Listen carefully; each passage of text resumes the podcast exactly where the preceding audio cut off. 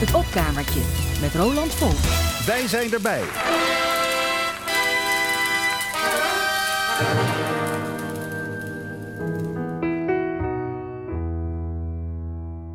Briefje op de koelkast.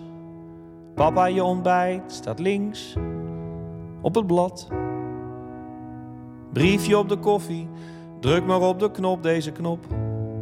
Bij de pijl. Briefje op het dienblad. Papa, eerst je yoghurt, dan de pillen. Al je pillen. Mama komt zo. Briefje op tafel en op de thee. Briefje op de deur van de wc. Briefje, pas op, briefje, denk eraan. Briefje op de kraan, briefje op de kraan. Briefje op de douche. Pap niet douchen, niet zelf gaan douchen. Briefje op de kamerdeur, pap heb je je stok niet lopen. Zonder stok, uitroepteken. Briefje op de tv, rode knop is aan, 113 is klassiek. En 14 schaatsen, mama komt zo. Iedereen komt zo. Briefje op tafel en op de thee. Briefje op de deur van de wc. Briefje pas op, briefje denk eraan. Briefje op de kraan, briefje op de kraan. Briefje op de pillen naast het bed. Wit is voor slapen, blauw tegen pijn. Briefje op de slaapkamerdeur. Pap, waar ga je heen? Het is nacht, iedereen slaapt. Mama slaapt. Briefje bij de trap, op het kinderhek. Pap niet naar beneden, niet zelf naar beneden. Vijf uitroeptekens.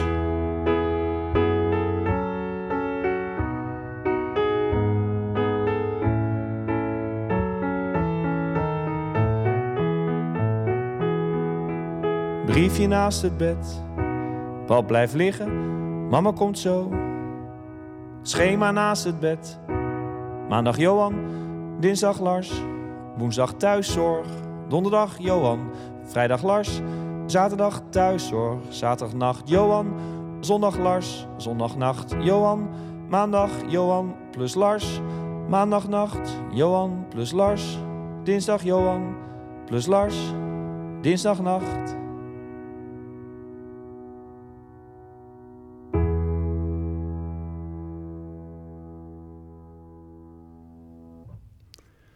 En dat was cabaretier Johan Goossens aan het begin van het opkamertje van vandaag. Met een heel subtiel lied over een vader die overduidelijk aan het dementeren is. In de loop der jaren ben ik heel wat liedjes tegengekomen rond dit thema. Ja, heel wat liedjesmakers maken dit natuurlijk mee in hun directe omgeving. Maar dit is in al zijn eenvoud en ja, in al zijn onnadrukkelijkheid wel een heel erg fraaie. Dit lied, Briefje, is ook genomineerd voor de Annie M.G. Schmidprijs van het beste theaterlied van het jaar. Net als dat lied van Jan Beuving in het afgelopen uur. Maar dit van Johan Goossens zou me niks verbazen dat dit die prijs gaat winnen. Op de een of andere manier vind ik de, de ingetogenheid, de ingetogenheid ervan ook heel Nederlands. Niet het verdriet uitschreeuwen, maar heel klinisch vertellen dat nou ja, overal briefjes hangen. Dan kun je de rest eigenlijk wel invullen. Toch, ja, je kan je voorstellen dat het ook wel bevrijdend is als je zo in elkaar zit. Dat je je zielenroerselen steeds met heel veel emotie de wereld inslingert. Gooi het eruit. Je krijgt wel eens het gevoel dat er culturen zijn waarin dat veel meer de norm is dan in Nederland. Culturen die niet zo van de, van de stille wanhoop zijn, maar meer van de breed uitgedragen smart. Brigitte Kaandorp lijkt dat bijvoorbeeld wel wat. Dat werd afgelopen jaar duidelijk aan het begin van de theatervoorstelling Gedeelde Smart, die ze gaf samen met Jenny Arian en waar in december een registratie van is uitgezonden op tv. Brigitte staat al 40 jaar op de planken, Jenny maar liefst 60 jaar. Ze hadden het er eerder over gehad om eens samen wat te gaan doen, maar ja, het was er nooit van gekomen. Dank u wel, ja. Een, een, eeuw theaterervaring. Dus ik dacht, nou ja, nou moeten we gaan, want anders zijn we dood. Ja, nou ja, ik vooral natuurlijk. Nou ja, weet jij veel, ik kan ook zo neervallen. Statistisch ga jij eerder inderdaad. Nou ja, dus we zijn nu, eh, ja, nou ja, het is wel zo. We zijn, eh, ja, we zijn dus nu, ja, oh, nou ja, dat zeg ik, op tournee. En het, eh, het, het leuke is, of eigenlijk het is een heel simpel concept. Jenny zingt voor mij de liedjes die ik graag van haar wil horen. En als tegenprestatie zing ik voor haar de liedjes die zij van mij wil horen. Dus het is gewoon een liedjesprogramma, dat is het eigenlijk. Het kan zijn dat ik al- heel af en toe tussendoor even iets toelicht of een kleine uitleg geef. Maar, hè, ja, maar dat hou ik heel kort hoor. Ik ben niet zo'n prater, dus dat, is, dat hou ik, heel, dat hou ik eh, heel kort. Nou, ik ga dus ook nu meteen het goede voorbeeld geven. Ga jij zitten, Jen, dan ga ik voor jou zingen het lied wat je graag wilde horen. Het lied van de vrouw op Schiphol die afscheid moet nemen van haar zoon... die voor een half jaar naar de andere kant van de wereld vertrekt. Kom maar op, jongens.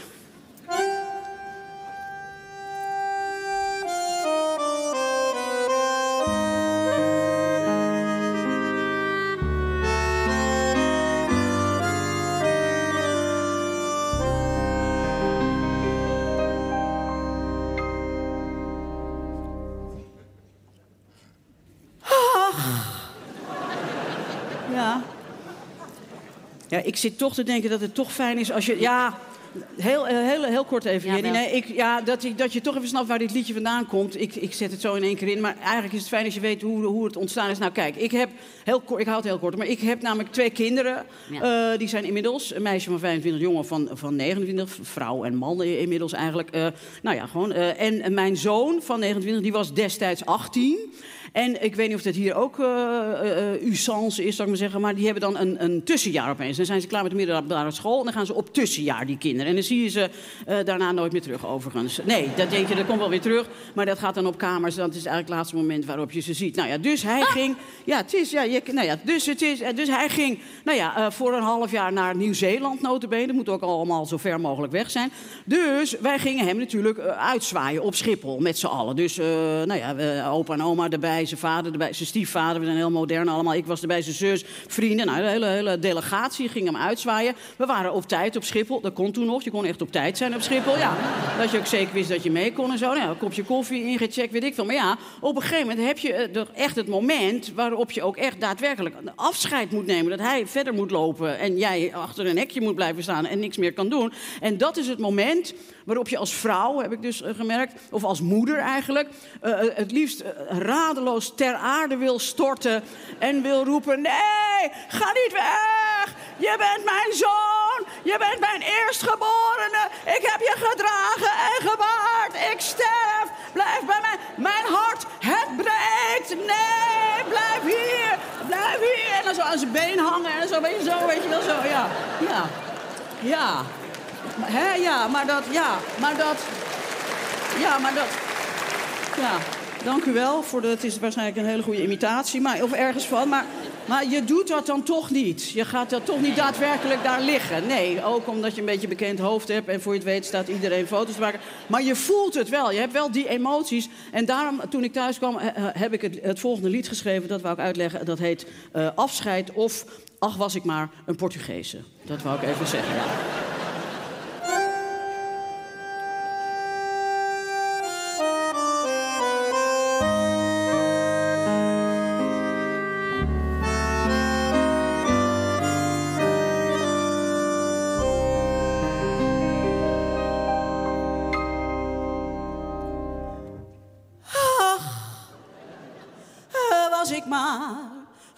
Portugese.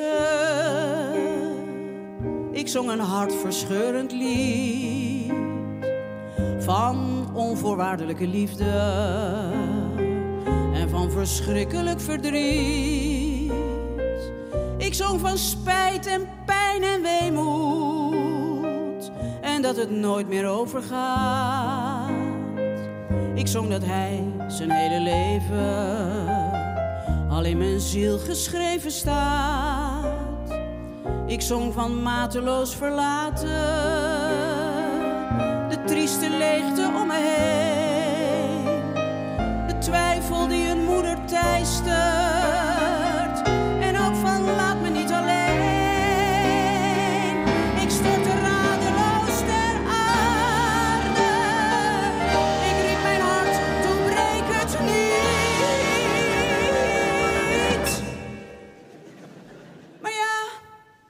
komen uit de polder.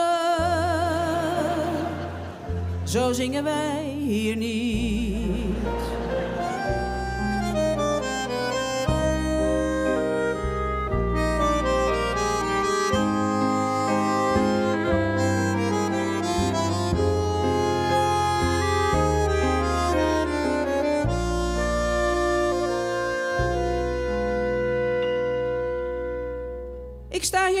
Zoon op Schiphol.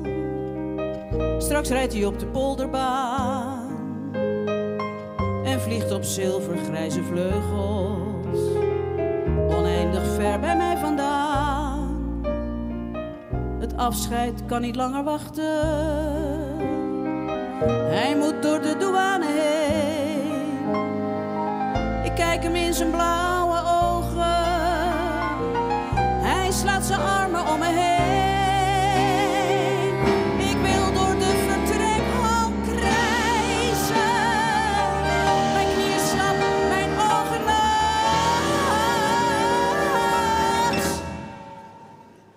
Maar ja, wij komen uit de polder. Ik zeg alleen, dag schat.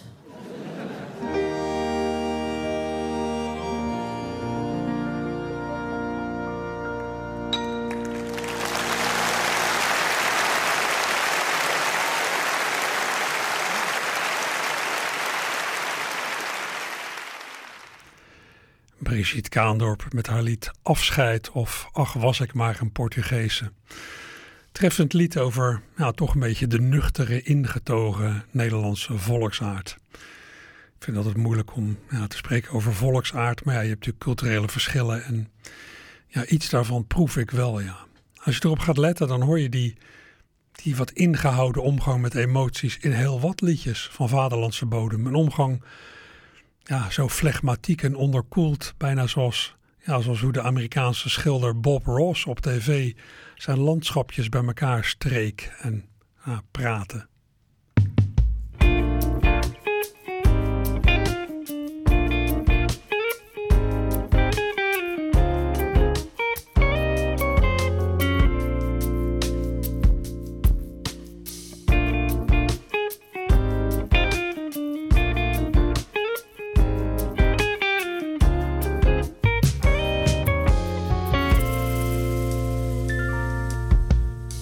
Ik ook probeer, het is nooit genoeg. Mm. Niet goed genoeg, niet leuk genoeg, niet slim genoeg, niet lief genoeg. En als ik er met de pet naar gooi, moet het mooi. Maar dat is het nooit. Ik dood al dagen zonder echt plezier de tijd. Zweven tussen schuldgevoel en onverschilligheid. Niks gedacht en niks gedaan. Ik zet maar weer een filmpje aan van Bob Ross. Die schildert er zo heerlijk en vredig op los. Een spar, een meer, een strand. Het zo nuttig als zitten bij het raam. Rustig en aangenaam.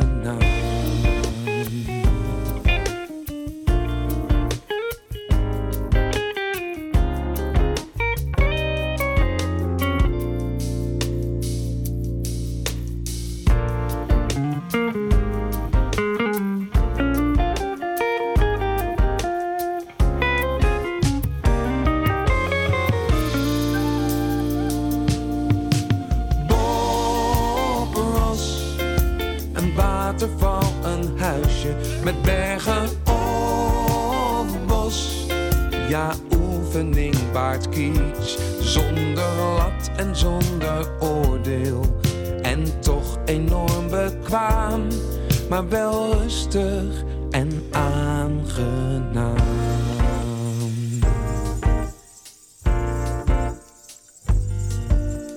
Alles wat ik doe is altijd fout. Mhm.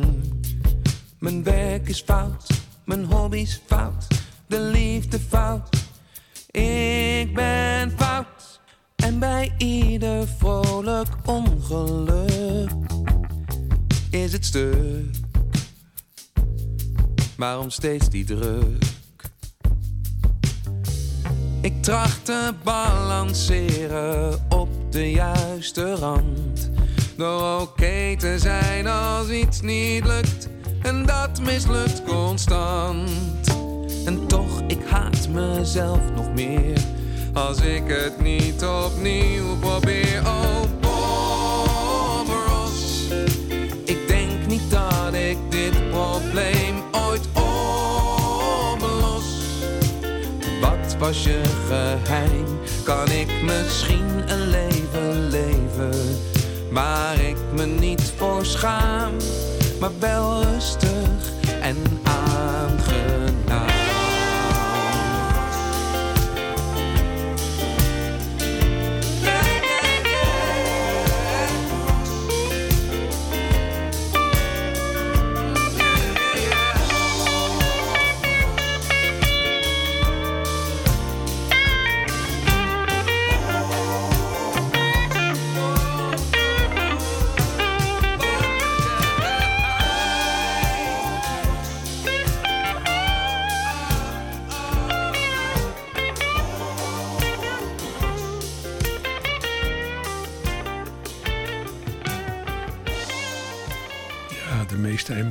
Dit nummer zit nog eh, in de gitaar. We hoorden de zingende cabaretier Peter van Rooyen van zijn album Liefde, Dood en Bob Ross dat vorig jaar verscheen. Ik zou nog te denken, zou het in Europa echt zo zijn hoe zuidelijker, hoe temperamentvoller? Ik weet niet, mijn gevoel zegt me dat in de kern mensen overal hetzelfde zijn, maar ja, je hebt natuurlijk wel cultuurverschillen en misschien heeft het ja, het Calvinisme van boven de grote rivieren zich na generaties wel vastgezet. Inderdaad, in hoe mensen omgaan met emoties. En, en zie je inderdaad al in Brabant en Limburg en België meer, ja, meer pathos, zo gezegd, meer passie. Is er echt een verschil in, is er echt een verschil in, in pathos tussen Vlamingen en Nederlanders van boven de rivieren? Schrijver en mediapersoonlijkheid Godfried Bomans heeft er in 1967 eens een radiocolumn aangeweid die jaren daarna terechtkwam in het grote Godfried Bomans luisterboek. De liefde van de Vlaming voor het pathos, het pathetische. We moeten hier eens even wat dieper op ingaan, omdat de Hollander dit gevoel niet kent. Ik vroeg als jongens aan mijn vader wat is eigenlijk pathos? Kijk eens, hij. Dat is iets wat wij niet hebben. Nou, omdat hij wel begreep dat met dit antwoord het probleem niet uitputtend behandeld was, voegde hij er nog het volgende aan toe. Toen Napoleon uit Elba in Frankrijk landde, had hij niet meer dan een paar honderd haveloze soldaten. Hem tegemoet trok Maarschalk Ney met een keurkorps van enige duizenden goed gewapende, wel doorvoede krijgslieden. Zijn opdracht luidde om Bonaparte in een ijzeren kooi aan de keukendeur van de Tuileries af te leveren. Goed, maar wat gebeurde er? Ter hoogte van Grenoble ontmoetten de twee legers elkaar. Over de uitslag van het gevecht bestaat natuurlijk geen twijfel. Maar Napoleon treedt nu naar voren en ziet Ney diep in de ogen. Dan knoopt hij zijn tuniek los en ontbloot de borst. Vriend, zegt hij met doffe stem, doorboor uw keizer. Ney barst in tranen uit, trekt zijn Bourbon-degen, breekt die op zijn rechterknie in tweeën en werpt zich in de armen van de keizer. Toen mijn vader zo ver gekomen was, keek hij even vergenoegd in het rond en zei... Kijk, dat is nu pathos. En dat hebben wij niet. Toen ik wethouder van Haarlem was, zei hij... hadden we in de gemeente een oproerige ingezetene... die mij enige zorgen baarde. De man placht op een zeepkist vlak voor het stadhuis te gaan staan, midden op de markt... en dan tegen de gevel te schreeuwen Schieten jullie maar. Hierbij had hij de gewoonte de borst te ontbloten en deze uitdagend in de richting van mijn werkkamer te wenden. Bij de derde keer, toen er zich rond de spreker al een zekere aanhang gevormd had, passeerde er een agent. Deze tikte in het voorbijgaan met de knokkel van zijn wijsvinger op de blote borst van de man en sprak toen deze gedenkwaardige woorden. Vat jij maar geen kou, vadertje? Kijk, deze eenvoudige oplossing bracht plotseling de hele onderneming tot niets terug. De man was in één klap verloren. Had ook Maarschalk nee de zaak op deze wijze afgewikkeld, dan was er geen slag bij Waterloo nodig geweest om er een aan te maken. Tot zover mijn vader. Ik heb dat voorbeeld altijd onthouden, omdat het het verschil tussen een Vlaming en een Noord-Nederlander in een notendop samenvat. Een Vlaming kent de gevoelens van nee. Wij niet. Of liever, wij prikken die meteen door. De ballonnen die hier onmiddellijk leeglopen, drijven in Vlaanderen lustig rond. Als een Vlaming u iets zegt, wekt hij de indruk alsof zijn huis in brand staat. Het is allemaal uiterst dringend. Hij wil u overtuigen. Wij Noord-Nederlanders willen alleen meedelen. Hij gebruikt de taal als een middel tot overreden. Wij tot constateren.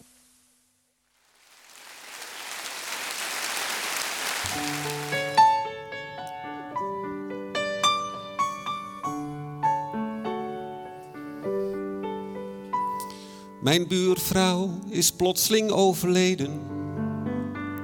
Ze woonde net iets verder op mijn rij. En hoewel ik haar nauwelijks kende, stelde zij tot mijn verbazing haar lichaam ter beschikking aan mij.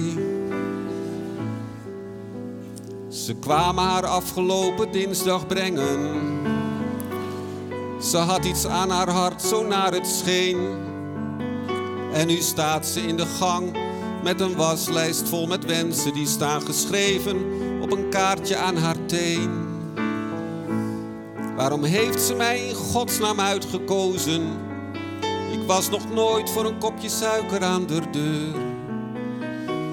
En nu, nu maakt ze op een bed van witte rozen opeens deel uit van mijn interieur.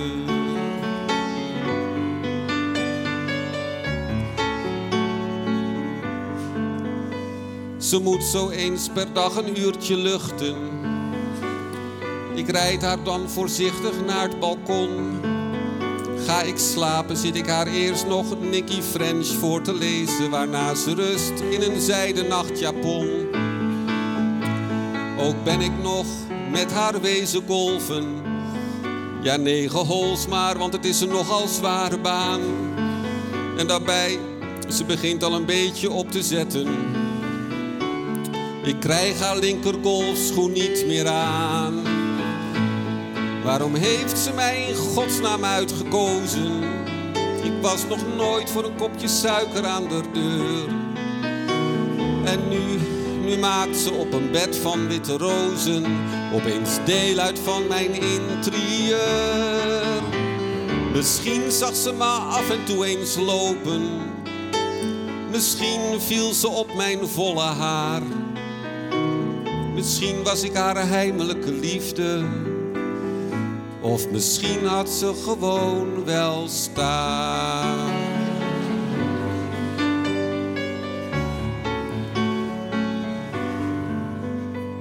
Ik denk dat ik haar toch maar laat cremeren. Alhoewel het dan wel stil zal zijn in huis. Maar ze begint nu wat te rieken en de douche bedraakt verstopt. Er zitten vlekken in een paar van mijn fauteuils. En als ik dan die urn op de haard zet, was waarschijnlijk best een aardig mens. Misschien vindt ze bij mij dan de verstrooiing die ze zocht. Ik respecteer nou eenmaal ieders laatste wens.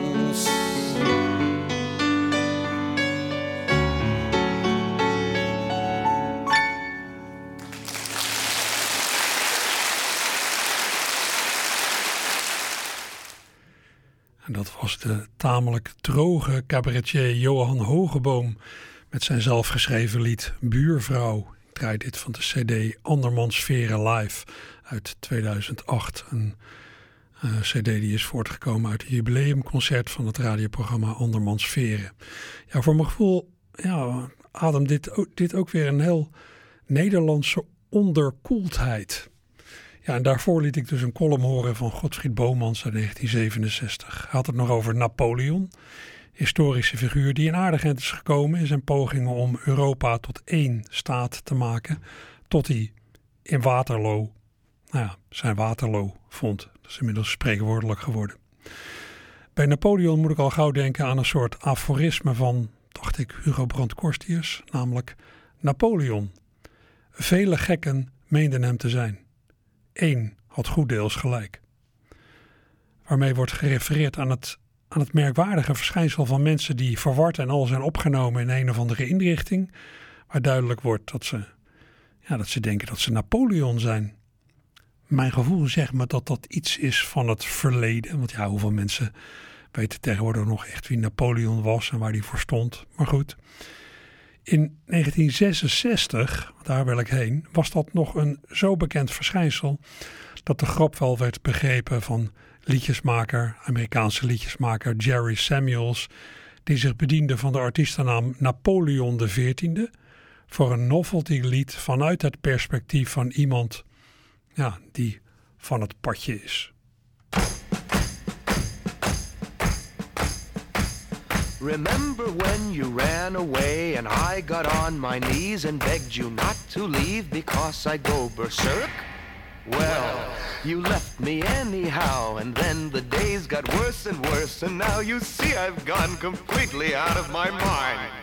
And they're coming to take me away, ha-ha, they're coming to take me away, ho-ho, hee-hee, ha-ha, to the funny farm where life is beautiful all the time, and I'll be happy to see those nice young men in their clean white coats, and they're coming to take me away! You thought it was a joke, and so you laughed. You laughed when I had said that losing you would make me flip my lid. Right? You know you laughed. I heard you laugh. You laughed, you laughed and laughed, and then you left. But now you know I'm utterly mad. And they're coming to take me away, ha ha. They're coming to take me away, ho ho, hee hee, ha ha. To the happy home with trees and flowers and chirping birds and basket weavers who sit and smile and twiddle their thumbs and toes, and they're coming to take me away, ha ha. I cooked your food, I cleaned your house, and this is how you pay me back for all my kind, unselfish, loving deeds. Huh? Well, you just wait, they'll find you yet, and when they do, they'll put you in the ASPCA, you mangy mutt. And they're coming to take me away, ha-ha, they're coming to take me away, ho-ho, hee-hee, ha-ha, to the funny farm where life is beautiful all the time, and I'll be happy to see those nice young men in their clean white coats, and they're coming to take me away, ha-ha, to the happy home with trees and flowers and chirping birds basket weavers who sit and smile and twiddle their thumbs and toes, and they're coming to take me away, to the funny farm where life is beautiful all the time, and I'll be happy to see those nice young men their Ja, novelty nummer, krankzinnig nummer. Uh, Napoleon XIV zogenaamd. They're coming to take me away. Over, ja, het lijkt over iemand die wordt afgevoerd naar een krankzinnige instituut. Naar de Funny Farm. Amerikaanse uitdrukking voor inderdaad een uh, gekkenhuis. Napoleon XIV, samentrekking van Napoleon en Lodewijk XIV neem ik aan. Maar het ging om de Amerikaanse liedjesmaker Jerry Samuels, die in dit lied iemand neerzette die de weg kwijt was. Tenminste, zo leek het. Wie de tekst heel goed heeft gevolgd, die zal misschien hebben opgemerkt dat het aan het eind bleek te gaan over iemand die gewoon zijn hond kwijt is. Ik heb begrepen dat Samuels een beetje bang was ja, dat de indruk zou ontstaan dat hij de spot dreef met psychiatrische patiënten, wat niet zijn bedoeling was. Dat hij daarom dat eind ja, toch een beetje die twist heeft gegeven. Er hier trouwens ook een Nederlandse vertaling van. Ze nemen me eindelijk mee. En het lied Ik wil met Donald Ducky terug van Bob Bauber heeft hier ook wel iets van weg. Ja, wat die Napoleon tussen de Franse Revolutie van 1789 en zijn nederlaag in Waterloo in 1815 had geprobeerd. Dat was in zekere zin eerder geprobeerd, hè? Allerlei gebieden met uiteenlopende bevolking en talen in Europa onder één heerschappij brengen. Ja, de oude Romeinen, het grote Romeinse Rijk, die waren denk ik de eerste. Maar denk ook aan de Spanjaarden in de 16e en 17e eeuw, aan wie ja, wij ons in de 80-jarige oorlog hebben weten te ontworstelen. Met een belangrijke rol voor de zogeheten watergeuzen, een groep Nederlandse opstandelingen die zich voor een belangrijk deel op zee ophield. U weet het, hè? op 1 april 1572 namen deze watergeuzen Den Briel in en van daaruit verspreidde de opstand ja, van Willem van Oranje en de zijnen tegen de katholieke Spaanse overheerser zich verder over het land. De strijd tegen de hertog van Alva en koning Philips II, die werd toen echt serieus. Ja, de eerlijkheid gebied te zeggen dat ja, bij allerlei facetten van de vaderlandse geschiedenis, vaderlandse geschiedenis, ik steeds vergeet hoe, hoe die geschiedenis ook alweer in elkaar zit. Ik had op school toch beter moeten opletten, maar ja, misschien is er nog iets in te halen met een lied. In 1973 maakte Frans Halsema een hele LP met allemaal liedjes over de geschiedenis van Nederland. Teksten van Elie Asser, muziek van Ruud Bos. En op die LP, de LP Zij maakten geschiedenis, staat ook een lied over de watergeuzen. De watergeuzen, wat trouwens een geuzennaam is. Hè? Die uitdrukking kent u wel toch? Dat iemand je eerst voor het een of ander uitscheldt. En dat je dat woord, die benaming, daarna juist voor jezelf gaat gebruiken als een soort, een soort eretitel. Nou, Frans Halsema met een gezongen geschiedenisles over de watergeuzen.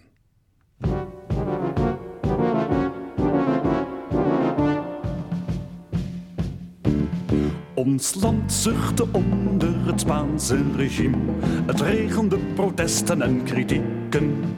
Een groep protestanten kwam op unaniem tegen de macht der katholieken.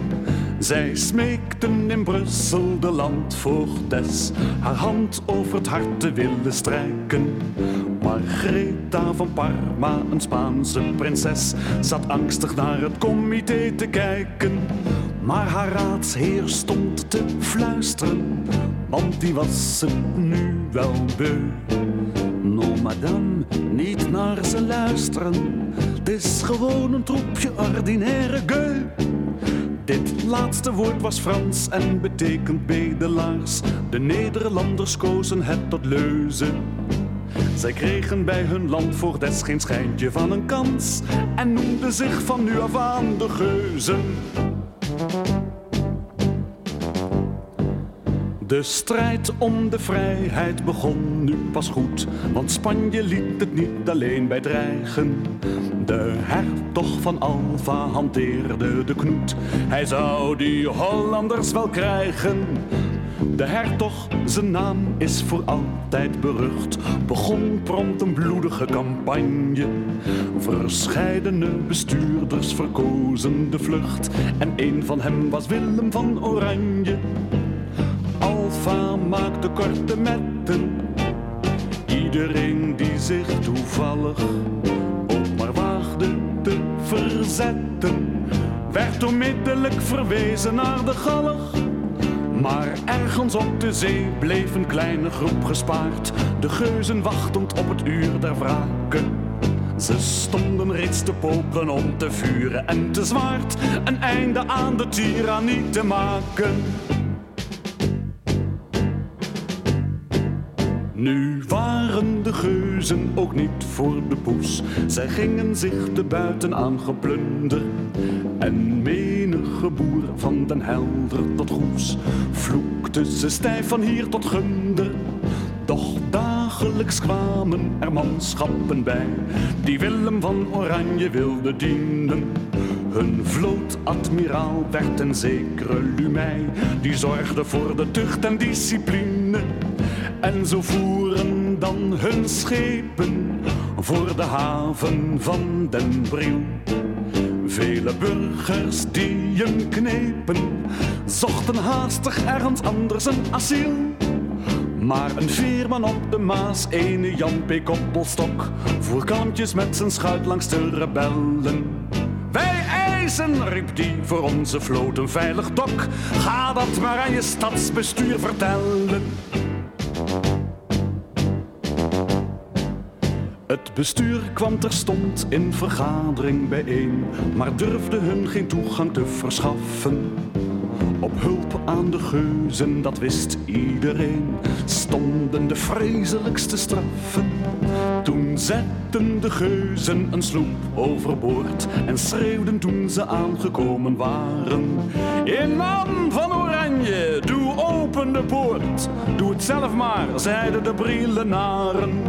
Hierop hulden zich de geuzen, listig in een rookgordijn. En rameiden met een reuze dikke mast de poorten kort en klein. Zo werd de stad bezet, maar het duurde niet lang. Of de Spanjaard zond soldaten en kanonnen. Wier aantal dat der geuzen vele malen overtrof. Heer Alfa gaf zich niet zo gauw gewonnen. De sluiswachter kwam op een schitterend idee. Dat werd dan ook onmiddellijk aangenomen. Het water staat hoog, dus we laten de zee het kamp der Spanjolen overstromen. Hij zwom naar de sluis met een bijl in zijn hand en hakte een gat zodat het water de Spanjaard verjoeg uit het polderland. Den Brille was weer vrij, maar de vrede niet nabij. Die kwam pas bijna tachtig jaren later. Frans Halsema met dus een gezongen geschiedenisles over de watergeuzen. Tekst Elie Asser, muziek Ruud Bos. En ik draaide dit dus van de LP. Zij maakten geschiedenis uit 1973. Ja, en dat de strijd tegen de Spaanse overheerser na de inname van Den Briel door de watergeuzen nog zo'n 80 jaar zou duren, dat klopt. De oorlog eindigde pas in 1648. En hoe zat het ook weer met de overheersing door Karel V? Want die hebben we toch ook nog gehad? Ja, de eerlijkheid gebied te zeggen dat ik ook die geschiedenis niet helemaal paraat heb. Ik ben zelfs in staat om Karel V en Karel de Grote door elkaar te halen. Historische figuren die toch door heel wat eeuwen van elkaar gescheiden zijn. Karel V was in de 16e eeuw landsheer van Nederland, koning van Spanje en de Rooms-Duitse keizer. In Vlaanderen wordt hij keizer Karel genoemd, in Nederland Karel V. Hij stond aan het hoofd van het Spaanse Rijk en de landen waarover hij regeerde vormden samen het grootste Europese rijk sinds dat van Karel de Grote, die 700 jaar eerder leefde. Het rijk van Karel V omvatte zelfs Amerikaanse en Aziatische gebieden en het was daarmee zelfs groter dan het vroegere Romeinse Rijk. Het was feitelijk een van de eerste wereldrijken. Maar dat zeg ik allemaal mede dankzij Wikipedia. En ja, die Philips II, over wie ik het net had bij de watergeuzen, nee, waar de watergeuzen tegen vochten, zal ik maar zeggen. Die Philips II was een zoon van Karel V. Toen Karel V in 1555, 1556 aftrad, werd zijn rijk gesplitst in een Spaans deel onder zijn zoon, onder leiding van zijn zoon Philips II, waar ook Nederland onder viel, en een Oostenrijksdeel onder Ferdinand I. Ferdinand was een jongere broer van Karel V. Dus dat hele rijk ging naar zijn zoon en naar zijn jongere broer. En nu we toch bezig zijn met de stamboom, Karel V, als u het nog kunt volgen, was de zoon van Philips de Schone en Johanna van Castilië, die de geschiedenis is ingegaan als Johanna de Waanzinnige. Maar goed, gezongen klinkt dit allemaal natuurlijk veel leuker. Philips de Schone, Johanna de Waanzinnige, die hadden samen echt een band, ze zeggen zelfs een innige. Ze kregen samen ook een zoon en die werd erg beroemd. Hij wordt in de geschiedenis nu Karel V genoemd. Karel de Vijfde, die wilde supermachtig zijn. Hij werd de baas in land na land, maar nog meer landen leek hem fijn. Hij deed verschrikkelijk zijn best en voelt zich echt beloond. Als paus Clemens de zevende hem zelfs tot keizer kroont. Karel de Vijfde, die was ook dol op Nederland. Hij wilde de gewesten daar graag helemaal in eigen hand. Hij maakte er een eenheid van, maar lang niet iedereen was blij met wat hij had gedaan met klaagde steen en been. De Vijfde, die was ontzettend fanatiek. Ja, ik bepaal wat men gelooft en iedereen blijft katholiek. En wie niet zoals ik gelooft, die gooi ik uit mijn land. Maar dat gaf veel protesten en verzet in Nederland. Oorlog na oorlog, was dan weer hier en dan weer daar. Maar zijn gezondheid was niet goed, werd alsmaar slechter jaar na jaar. Totdat het niet meer ging, zodat zijn rol was uitgespeeld. Toen werd zijn rijk tussen zijn broer en Philips II verdeeld.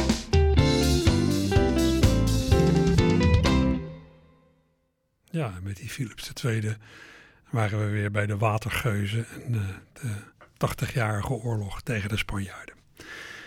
Uh, maar ja, alles wat u in dit liedje hoorde, dat zei ik dus zelf ook al. Hè. U hoorde een lied uit de koker van Majel Lustenhouwer bij een serie over de geschiedeniskanon van Nederland van Teleak. In 2011 is dit op CD verschenen. Mooie geschiedenis, mooie initiatief van die gezongen geschiedenis. Het lijkt ook een beetje op wat Niek Barendsen deze dagen doet met die series. Uh, welkom in de middeleeuwen, welkom in de 80-jarige oorlog, welkom in de jaren 60. Erg leuke series. Uh, ik, zie er wel eens flarden van. Mooi dat daarin uh, ja, bij allerlei sketches opeens een bordje in beeld komt waarop dan staat echt gebeurd. Voor wie daaraan mocht twijfelen. Ja, wie op bijna elke straathoek wil worden herinnerd aan de geschiedenis van Europa, die moet op stedentrip naar. Nou ja, ik heb er geen koffer staan, maar ik ben er een paar keer geweest. En die ene stad, die blijft op mijn lijstje staan. Ik wil er graag weer een keer naar terug.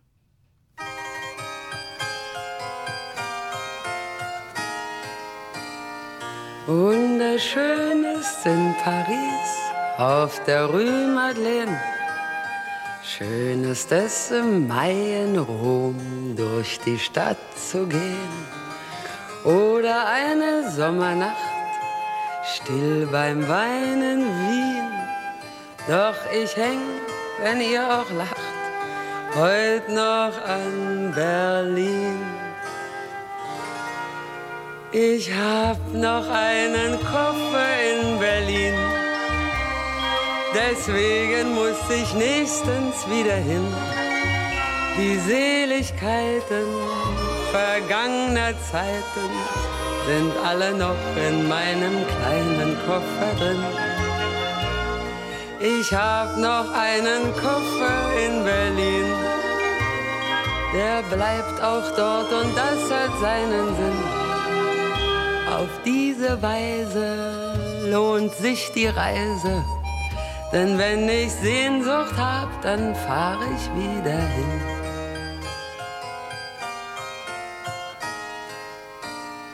Luna Park und Wellenbad, kleiner Bär im Zoo, Wannseebad mit Wasserrad, Tage hell und froh. Werder, wenn die Bäume blühen, Park von Sanssouci. Kinder, schön war doch Berlin, ich vergesse es nie. Ich hab noch einen Koffer in Berlin, deswegen muss ich nächstens wieder hin. Die Seligkeiten vergangener Zeiten sind alle noch in meinem kleinen Koffer drin. Ich hab noch einen Koffer in Berlin, der bleibt auch dort und das hat seinen Sinn. Auf diese Weise lohnt sich die Reise, denn wenn ich Sehnsucht hab, dann fahr ich wieder hin.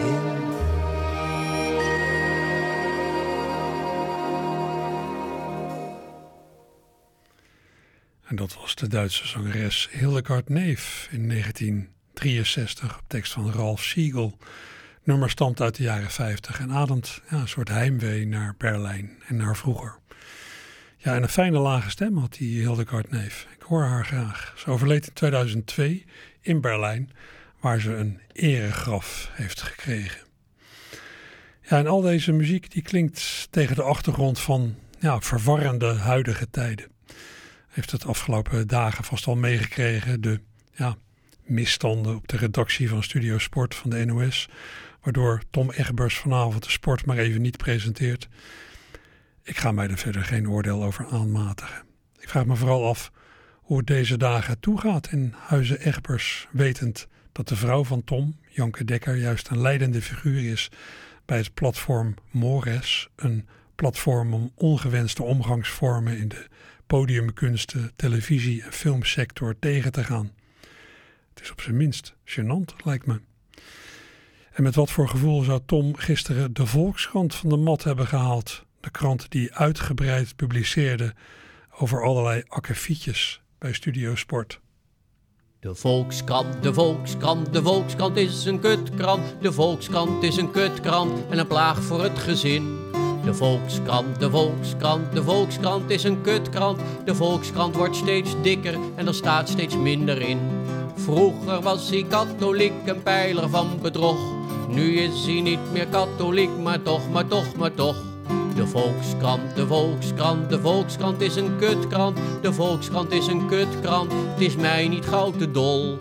Maar als ik eens een krant lees, als ik eens een krant lees, dan wil ik ook een krant en geen papieren drol. Waar de redactie drijft op drank en zelfcensuur. Je krijgt de halve waarheid, maar wel twee keer zo duur.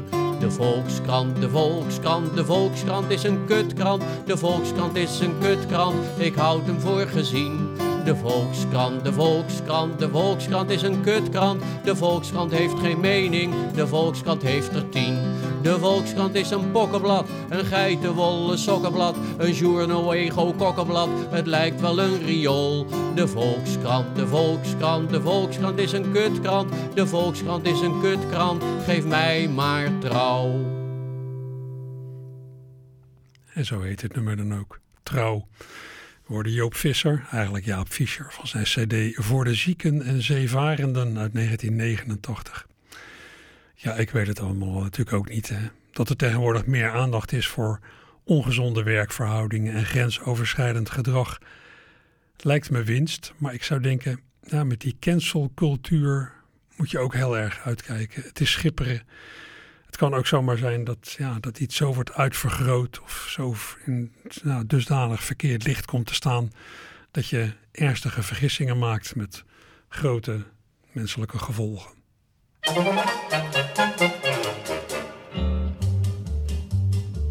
Een meneer hield van een jongen, en maakt u zich vooral niet druk. Is het tot u doorgedrongen? Iedere liefde brengt geluk.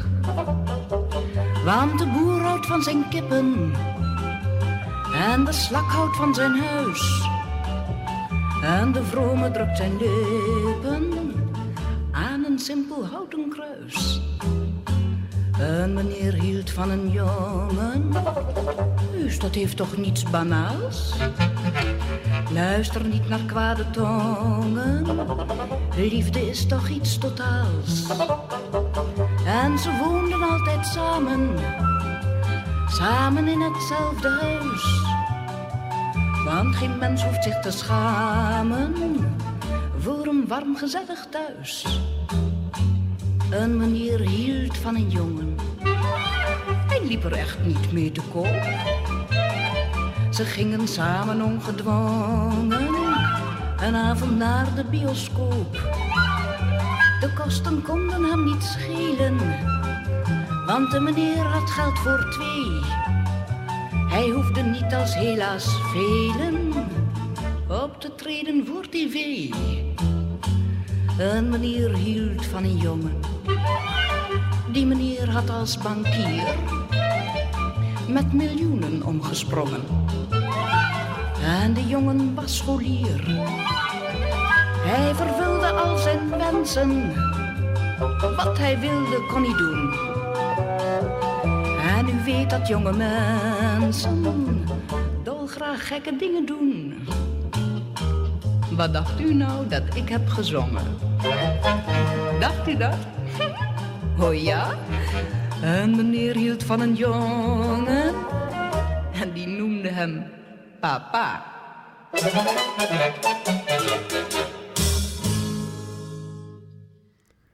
En dat was Adèle Bloemendaal in 1967 met een lied van Guy Béard en een orkest onder leiding van Ruud Bos. Ja, het leek aanvankelijk over pedofilie te gaan, maar uiteindelijk ja, was het gewoon een vader en een zoon. Een klein lesje in eh, waarneming en vooroordeel.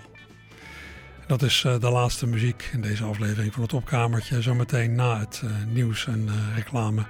En nog meer fraaie muziek en dan de collega's van de sport. Ik zou zeggen, maak iets van uw zondag. Jo.